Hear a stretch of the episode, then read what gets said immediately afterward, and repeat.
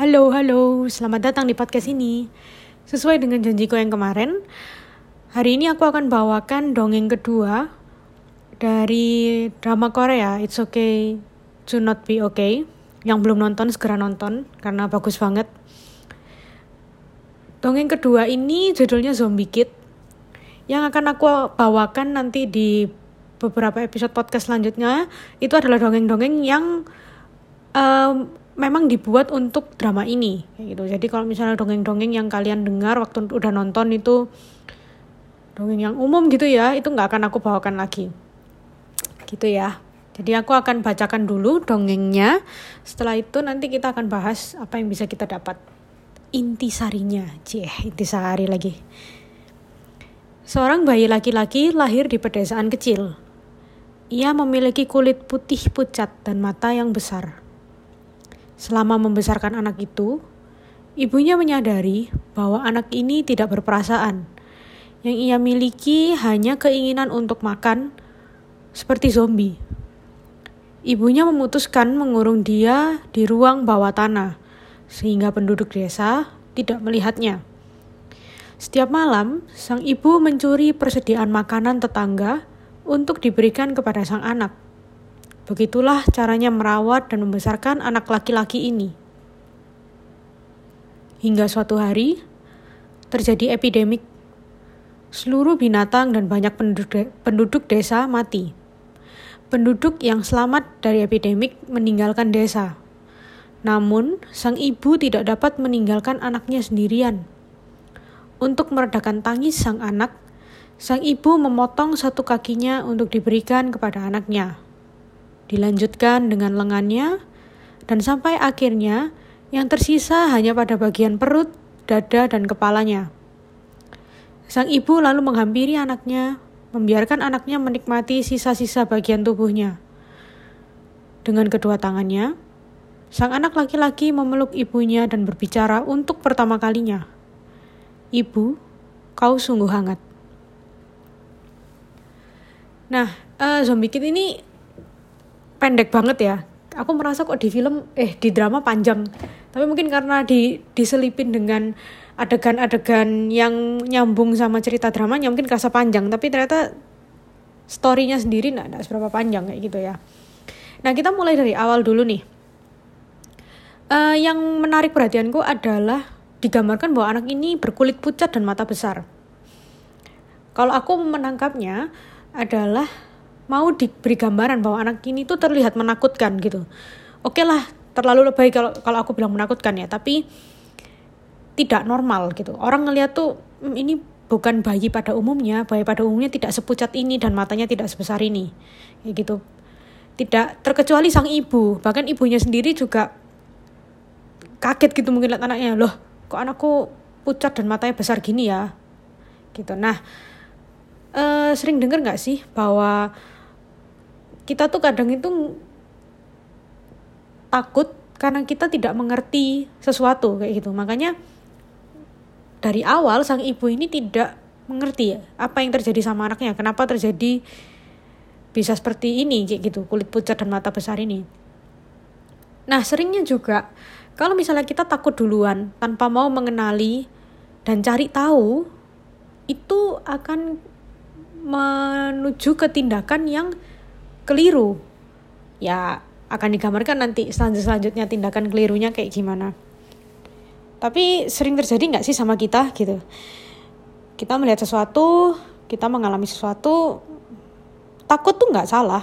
Tapi apa yang dilakukan setelah takut itu yang menentukan gitu. Kalau misalnya takut doang dan itu dibiarkan untuk ngedrive kita gitu.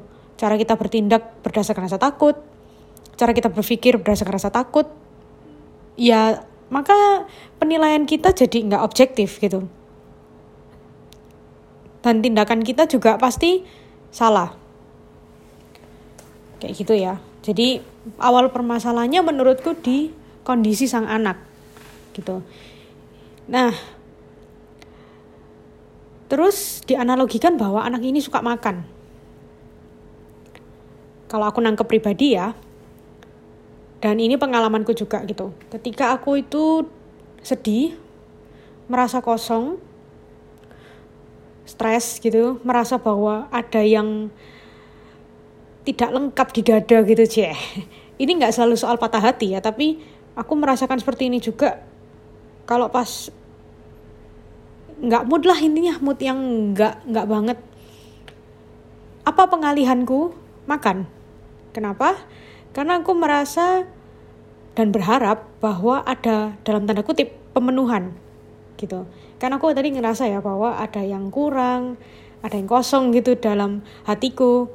Nah aku berharap dengan adanya aku makan memasukkan sesuatu ke dalam diriku literally itu akan membuatku merasa terpenuhkan. Ya padahal ya penuh sih tapi perutnya yang penuh kayak gitu bukan merasa lega bukan merasa enteng gitu ya setelah ada permasalahan. Jadi aku menangkapnya si anak ini banyak makan sebenarnya bukan lapar. Ya lapar tapi bukan lapar secara harafiah gitu. Dia membutuhkan sesuatu yang lain. Lagi-lagi karena sang ibu dari awal tadi tidak mengenali apa yang terjadi sama anaknya, ya dia menangkapnya secara harafiah aja. Anak ini kok makannya banyak ya? Ya udah karena tadi kan dia dikurung di bawah tanah ya udahlah praktisnya aja udah tak kasih makan terus aja supaya anak ini tetap hidup. Paling enggak aku enggak dosa-dosa amat lah. Masa iya membiarkan anaknya mati kelaparan? Tanpa mau tahu lagi gitu sebenarnya apa yang terjadi sama anaknya. Nah uh, sang ibu ini lalu sampai pada akhirnya ya memberikan dirinya sendiri untuk anaknya. Secara literally juga nih. Secara literally aduh live, live campur aja tuh Inggris Indonesia. Itulah ya pokoknya. Secara uh, dia memberikan tubuhnya buat anaknya. Pertama kakinya, terus tangannya, kayak gitu ya. Dan dan sang ibu ini juga berpikir gitu bahwa berpikir dan berharap juga bahwa dia dengan memberikan dirinya itu akan memberikan pemenuhan pada anaknya. Pemenuhan yang selama ini dicari sama anaknya. Kayak gitu. Uh, terus kalau kita stop sampai sini deh. Kalau menurut kalian nih yang dengerin bener nggak sih yang dilakukan oleh ibunya? Aku kasih waktu ya. Tiga dua satu oke. Nggak niat ngasih waktu. Ya kalau aku tidak akan memaksakan pendapatku tapi kalau menurutku itu salah gitu. Seringnya juga kita menemu menemui gitu ya tidak hanya relationship terhadap orang tua ke anak anak ke orang tua tapi itu banyak gitu loh terjadi. Antara misalnya pacar atau teman ini bisa sih terjadi di relationship mana pun. Bahwa kadang tuh kita merasa dengan kita memberikan diri kita sendiri seluruhnya nggak mikir gitu ngasihnya itu akan membuat lawan kita teman kita pacar kita orang tua kita anak kita itu bakal merasa terpenuhi gitu dan kita akan ikut bahagia ketika dia merasa dipenuhi. Padahal ya enggak kayak gitu. Tidak ada manusia yang menurutku ya cukup besar untuk bisa menjadi bisa dikatakan sebuah sumber gitu ya. Kalau kalian dengar kata sumber nih, sumber air, sumber listrik, sumber apa lagi tuh? Ya sumber-sumber lah. Sumber air deh paling gampang kita bayangkan. Apakah yang dibayangkan kita itu sumber air itu adalah tempat yang kecil kayak selokan gitu? Enggak kan? Kalau aku dengar kata sumber air yang ada di bayanganku itu kayak laut yang gede banget. Atau air terjun di pegunungan yang tinggi banget. Terus bawahnya kan biasanya sungai gitu ya. Sungainya itu yang besar terus airnya tuh mengalir ke bawah itu jauh gitu yang pokoknya gede lah ininya nah menurutku tidak ada manusia yang capable untuk menjadi sumber sebesar itu. Dan ketika kita menempatkan diri kita untuk menjadi sumbernya seseorang, maka walaupun kita memberikan diri kita sampai yang kalau diceritakan di sini adalah memberikan tangannya, kakinya itu tidak akan memenuhi. Makanya sering dengar ya bahwa kalau biasanya ini eh, dialog pacaran, dialog orang pacaran kalau berantem. Ada kan tuh ciri khasnya yang aku tuh udah kasih semuanya beb buat kamu. Aku tuh kurang apa? Kayak gitu. Iya menurutku ya salah gitu. Tidak ada yang bisa gitu untuk kita mengharapkan manusia lain terus mengharapkan manusia itu memberikan segala-galanya terus berharap kita ini puas. No. Bukan manusia sumbernya jelas. Sumber kasih yang paling besar ya cuma Tuhan. Udah nggak ada lagi. Kalau kita menjadikan diri kita sumber kasihnya orang lain berarti kita sedang sombong. Merasa bahwa kita setara sama Tuhan dong. Gitu. Sebaliknya kalau misalnya kita menuntut orang lain untuk jadi sumbernya kita berarti kita salah salah channeling gitu ya depannya salah meletakkan sumber yang tepat gitu. Kalau misalnya kayak colokan sering banget ya aku pakai istilah colokan. Uh, sorry analogi colokan. Ya nyoloknya di tempat yang salah gitu bukan di sumber listrik yang tepat. Makanya kayak ngerasa ini HP perasaan udah dicolok deh nggak penuh penuh ya. Ya itu karena nyoloknya salah. Seperti itu. Jadi mau gimana pun kita aku tuh cinta sama dia aku rela habiskan diriku habiskan dalam tanda kutip diriku untuk dia kayak gitu.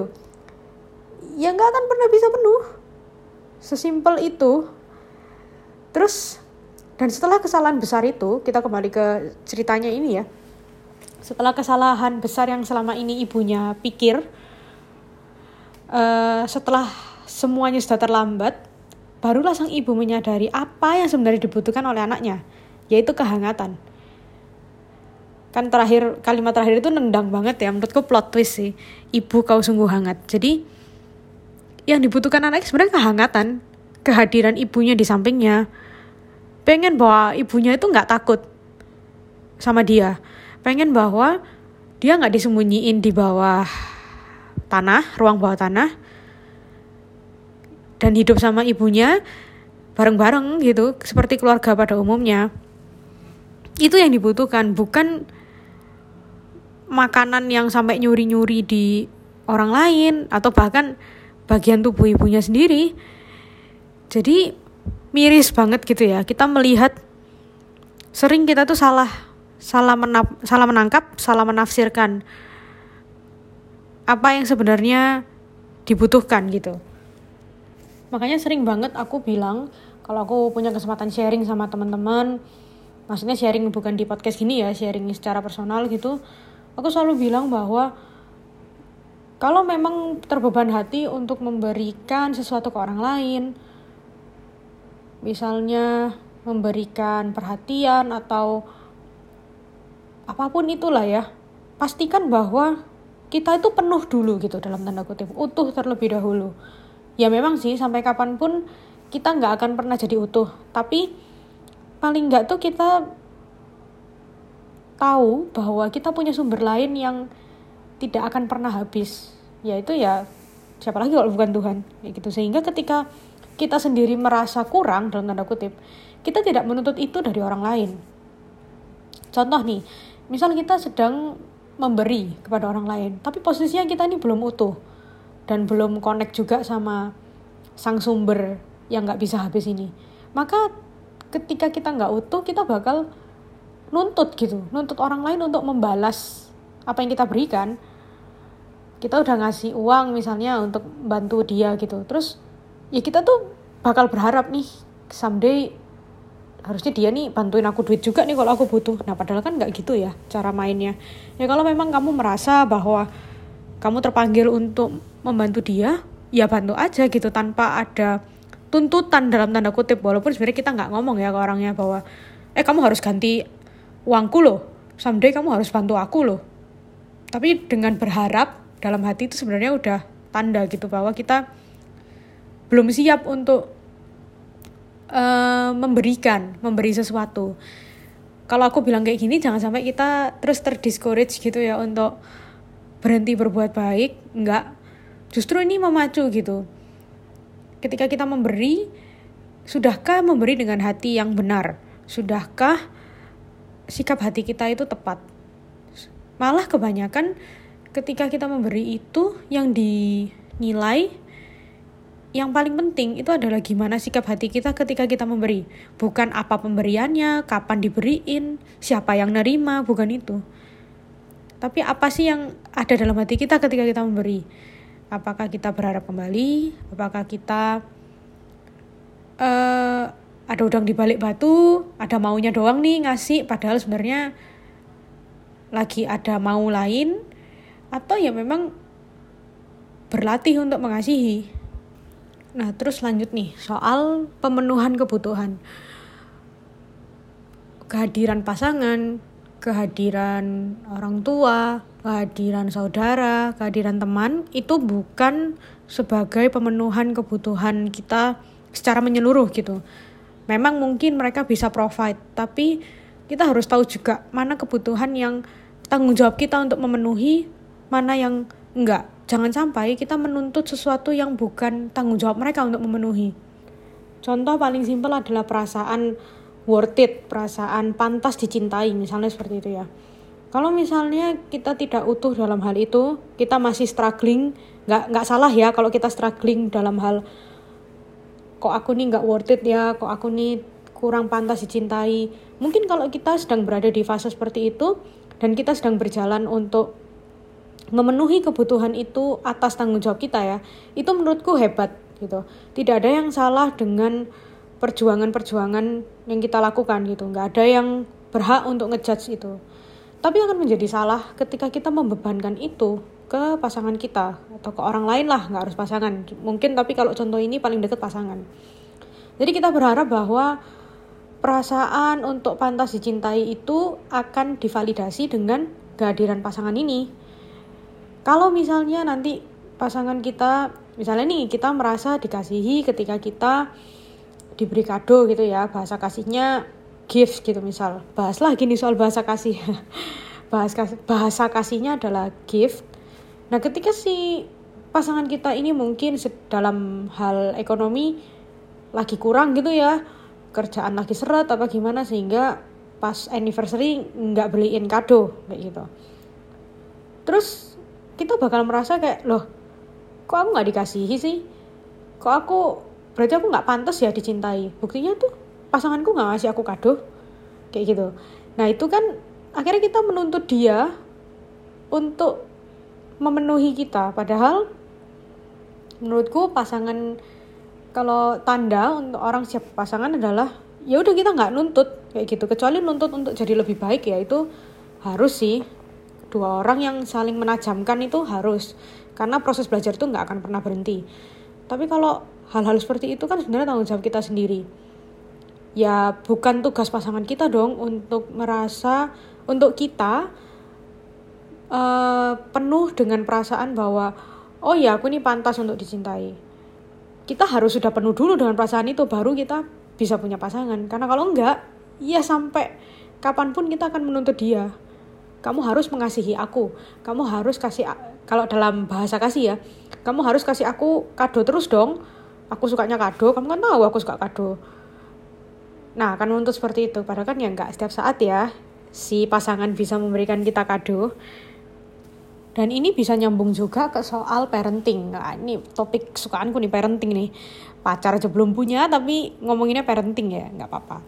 Jadi kalau aku mengamati gitu ya aku tuh sering berpikir bahwa punya anak itu adalah tanggung jawab yang sangat-sangat luar biasa gitu. Selain dari segi ekonomi, kita sebagai orang tua harus siap gitu memenuhi kebutuhannya sampai dari segi pendidikan, makanan, uh, gizi, terus ini nanti les les les piano, les balet apa segala macam itu kan harus kita penuhin tuh. Kayak gitu-gitu. Tapi juga soal pemenuhan kebutuhan emosi merasa dikasihi, merasa disayang, merasa orang tuanya bangga akan keberadaannya, merasa bahwa oh aku nih disayang ya sama orang tuaku, ternyata aku nih diharapkan ya sama orang tuaku. Itu tuh sangat-sangat penting. Dan kebutuhan itu harus dia dapat dari orang tuanya. Itu adalah kebutuhan. Jadi tahu lah ya bedanya kebutuhan sama keinginan tapi menurutku kalau yang tadi aku sebutkan itu adalah kebutuhan. Karena jika enggak, jika anak kecil tidak tidak mendapat pemenuhan itu dari kecil dari orang tuanya, maka dia akan mencari itu di luar.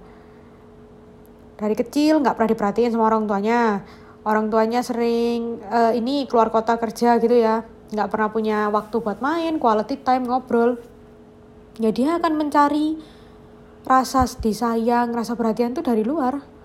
Jadi yang di sinetron sinetron itu ya kadang kan anaknya bandel banget ya anaknya eh, ini orang tuanya suka keluar kota karena kerja gitu itu somehow masuk akal juga. Dan kita tahu sendiri kan yang di luar itu juga belum tentu bener gitu. Beneran sayang atau cuman dimanfaatin doang. Beneran diperhatiin atau cuman mau ngambil keuntungannya doang kan kita nggak pernah tahu.